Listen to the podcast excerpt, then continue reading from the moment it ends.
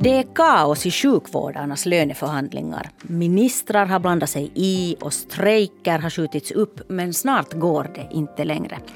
På fredagen bryter den första strejken ut om arbetsgivaren och vårdfacken inte når någon lösning. Och då går alltså 25 000 vårdare ut i strejk i sex sjukvårdsdistrikt.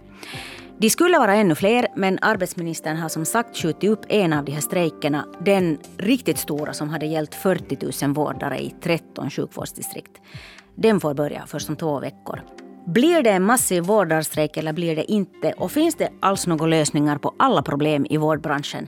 Det ska vi prata om i Nyhetspodden idag. Mitt namn är Jonna Nupponen och jag säger hej och välkommen till dig, Katarina Salo, politisk reporter på Svenska Yle. Hej, hej. Tack så mycket. Hör du, hur illa eh, är det, skulle du säga, blir det en massiv vårdarstrejk i vår? No, jag tycker nog att det ser ganska illa ut. Vi är nu inne på den fjärde veckan av, eh, av förhandlingar med Riksförlikningsmannen. Eh, och Milla-Rika Rytkönen som är ordförande för Tehy, så hon tweetade igår kväll att det ser inte ut att ha gått framåt alls under den här tiden man har förhandlat. Så um, det återstår att se om det blir en jättemassiv strejk eller om det bara blir den här med 25 000 vårdare. Men det ser nog nästan ut som att en strejk kommer att bryta ut på fredag. Mm, det är ju inte så hemskt många dagar dit. Uh, hur får ens vårdpersonal strejka? No, nu har de ju redan inlett de här stridsåtgärderna genom mm. uh, ett övertidsförbud och ett förbud mot skiftbyte inom mm. vården.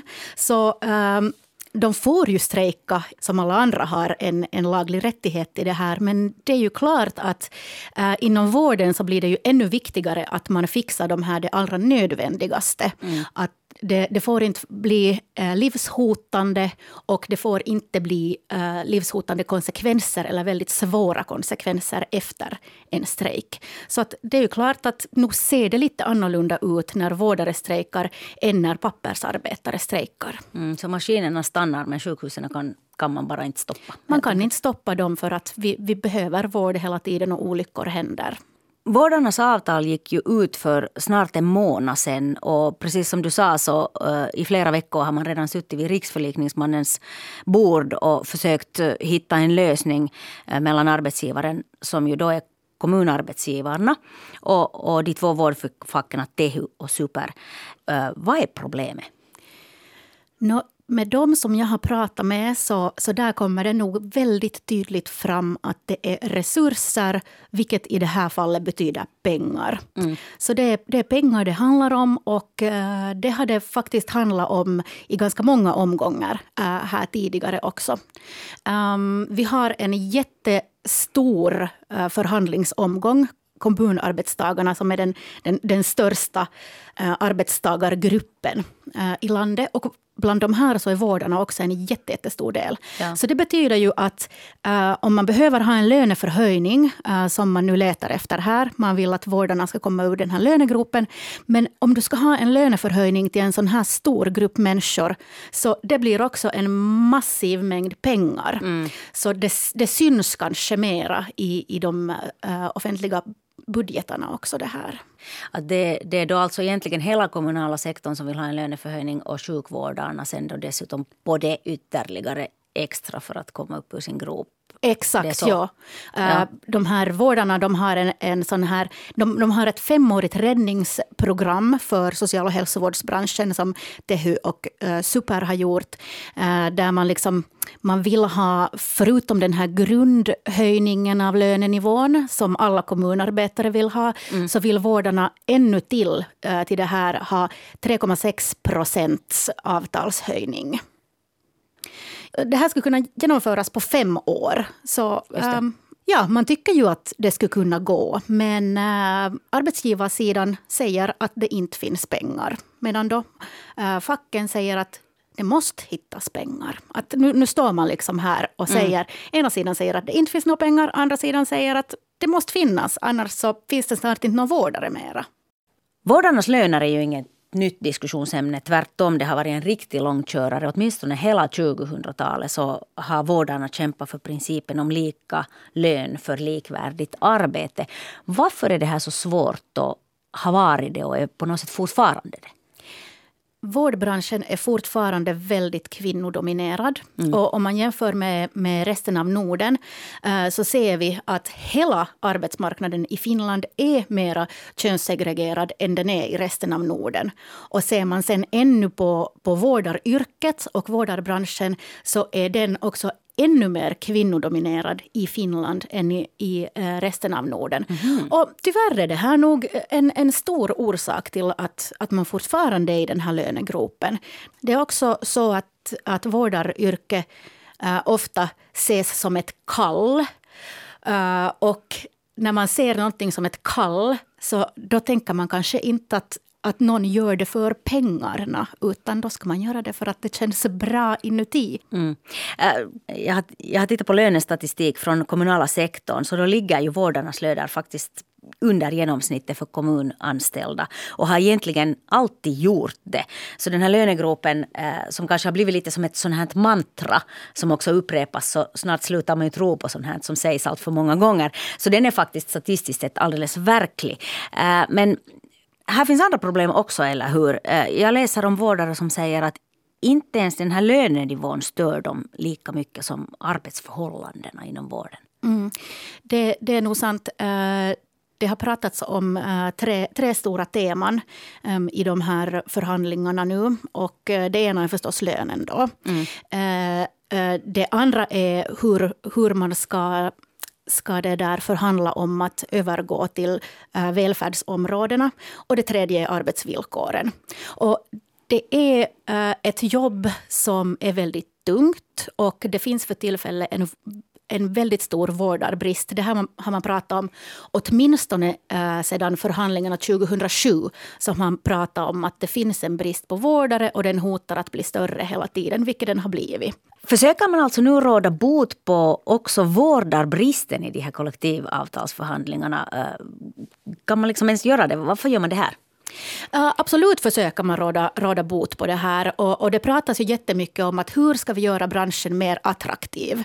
Och, och här, här pratar uh, arbetsgivarna och också politiker om att, att vi, måste ha, vi måste ha fortbildning inom jobb, vi måste ha bättre ledarskap inom, inom vårdsektorn. Men det här är ju någonting som har blivit värre i många år. Mm. Att att jag vet till exempel att det finns avdelningar nu som för andra sommaren i rad inte har fått in en enda eh, sommarjobbsansökan. Och det här är ju nog någonting som vi måste eh, råda bot på om vi fortfarande ska kalla oss ett välfärdssamhälle. Mm. Men ändå, sjukskötarna har inte haft för vana att strejka eller ens hota med strejk. Senaste gången som vårdarna strejkade var 1995, det är alltså 27 år sedan. Hur allvarligt är det när sjukvårdare hotar med strejk? Det är klart att det är allvarligt. Alla strejker är ju allvarliga. Men um, kanske det berör liksom mig som medborgare mer om en vårdare går i strejk än, än om vi tar nu de här, äh, den här pappersindustrin som exempel. Mm. Att, att mera oroar jag mig kanske för ifall jag eller någon nära, närstående, min familj, inte får vård än om pappret tar slut så att jag inte får min morgontidning. Att det, liksom, det, det handlar om det, det, är ganska stora skillnader även om det handlar om samma sak. Det handlar om arbetsvillkor, det handlar om löner. Men de här branscherna är så himla olika och påverkar oss som människor också på, på jätteolika sätt. Jag tänkte att eh, vi skulle ta en liten omväg via historien. För en historieföreläsning är ju alltid på sin plats. Det är nämligen 15 år sedan vårdfacken senast försökte ta till så här hårda åtgärder som nu ligger på bordet eh, för att få upp vårdarnas löner. Det var riksdagsvalsår och det var 2007. Och vårdarnas löner och arbetskraftsbristen inom vårdsektorn eh, blev då ett hett valtema. Samlingspartiet gick ut med ett vallöfte om Sari Sairaanhoitaja, Sari sjukskötare som skulle få upp sin lön med 500 euro i månaden. Och på det här så vann Samlingspartiet valet. Eller de, blev, de gjorde den största valsegern. De blev inte största parti men de blev näst största parti och kom in i regeringen på det här. Eh, men sen när de här löneförhandlingarna då eh, verkligen skulle börja föras. Eh, de fördes ju naturligtvis då inte av regeringen eller någon politiker utan arbetsmarknadsparterna så blev det ju en riktigt upprivande historia. Vårdarna hotade med massuppsägningar. Nästan 13 000 vårdare skrev sitt namn på en lista över de som var beredda att säga upp sig om inte de skulle få sina krav igenom. Och det blev så pass allvarligt att regeringen sen ändå gick in med ett motdrag och stiftade en tillfällig patientsäkerhetslag som förbjöd vårdare att säga upp sig. Så det var en riktigt hård strid det här. Hur gick det egentligen med den? No, här fick ju vårdarna faktiskt vad de krävde. Mm. Eh, de fick 16 procent, vilket låter, jätte, det låter nästan absurt mycket. Det låter jättemycket. 16 eh, procents höjning eh, av, av lönerna över en period på fyra år. Men det här det visar ju sig sen att, att vårdarna kom inte upp ur den här lönegropen. Mm -hmm. liksom tack vare den här höjningen, för att den spred sig sen ut över hela kommunsektorn. Så det blev inte liksom på det viset en tilläggshöjning endast för vårdarna, utan alla fick äh, lite en bit, bit av kakan här. Slutresultatet var att vårdarna kom inte ur den här, här lönegropen och, och sen hade liksom, sen hade fortsatt och mm. hållit på. Uh, och, och, nu har det blivit ännu värre. Och nu sitter, sitter de här i, ha, jag tänkte säga att ha grävt ner sig själva, men det är väl vi andra som har grävt ner dem. 15 år senare ja, är det dags för hårda tag igen från offentliga sektorn eh, med vårdarna i spetsen. Vad är din bedömning? Hur stor är stridsviljan bland vårdarna nu? No, ärligt talat så tror jag att vårdarna är ganska trötta för tillfället. Uh, vi har haft över två år av pandemi. Uh, före det hade vi också uh, det svårt inom vårdbranschen. Uh, det har varit dåliga villkor rätt länge där. Um, och, och, och, som vi märkte här också att, att sen, sen 2007 så redan då var de i den här lönegropen. Jag, jag skulle säga så här att om den här strejken nu blir av på fredag så kanske en stridsvilja uppenbarar sig. Mm. Men på många ställen äh, är man ganska uppgiven och man orkar inte riktigt ens engagera sig eller, eller prata om den här strejken, att blir den av eller inte. För att man har så fullt upp att, att göra sitt jobb och äh, göra kanske många andras jobb också äh, samtidigt. Att, mm ända sedan coronasiffrorna till exempel började gå upp här i december förra året så har man hela tiden legat efter. Eh, och, och de här vårdköerna har, har blivit längre och längre och vi är inte ännu tillbaka på någon... Om vi ska, om vi ska säga att det finns en grundnivå, vi är inte nära heller tillbaka på den. Att, att det, är liksom, det, är som, det blir lite av en snöbollseffekt nu hela tiden. Mm. Vad har sagts politiskt den här gången om den här nu pågående konflikten. Då 2007 så gick politikerna med iver in i diskussionen. Men vem ömmar för sargsjukskötare 2022? Nå, I alla fall om vi går till, tillbaka till det här välfärdsområdesvalet så ömmade alla partier nästan för sargsjukskötare. Eh, då pratade alla, alla partier om att vi måste höja vårdarnas löner. Och man pratade om att att det här ska ske sen vid arbetsmarknadsförhandlingarna. Nu är vi där, men nu har vi inte hört så där jättemycket av politikerna. Vår äh, familje och omsorgsminister Aki Lindén, han har äh, tweetat, äh, om man ser från vårdarperspektiv, äh, positivt om det här. Äh, han säger att, att det finns en liksom erkänna den här bristen. Jag tror att de flesta politiker nog erkänner att vi har en vårdarbrist. Mm. Han kommer ju från sjukvårdsbranschen själv så mm. att han, han har visat sig förstå nog det här. Uh, statsminister Sanna Marin sa här för några veckor sedan att, att i och med att vi har haft den här pandemin och i och med att vi nu har kriget i Ukraina så skulle det inte riktigt finnas utrymme uh, för jättehårda arbetsmarknadsförhandlingar eller mm. strejker. Och där tror jag nog att, att alla de här parterna håller med. Nej, det skulle inte finnas utrymme. Nej, man, man skulle inte vilja det.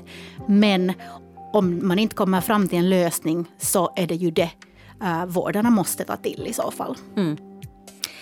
Katarina Salo, tack för att du öppnade upp det här för oss i väntan på om vårdstrejken bryter ut eller inte. Du har lyssnat på nyhetspodden från Svenska Yle och jag heter Jonna Nupponen. Ami Lassila är producent, tekniker Mike Grönros. Fortsätt lyssna på oss.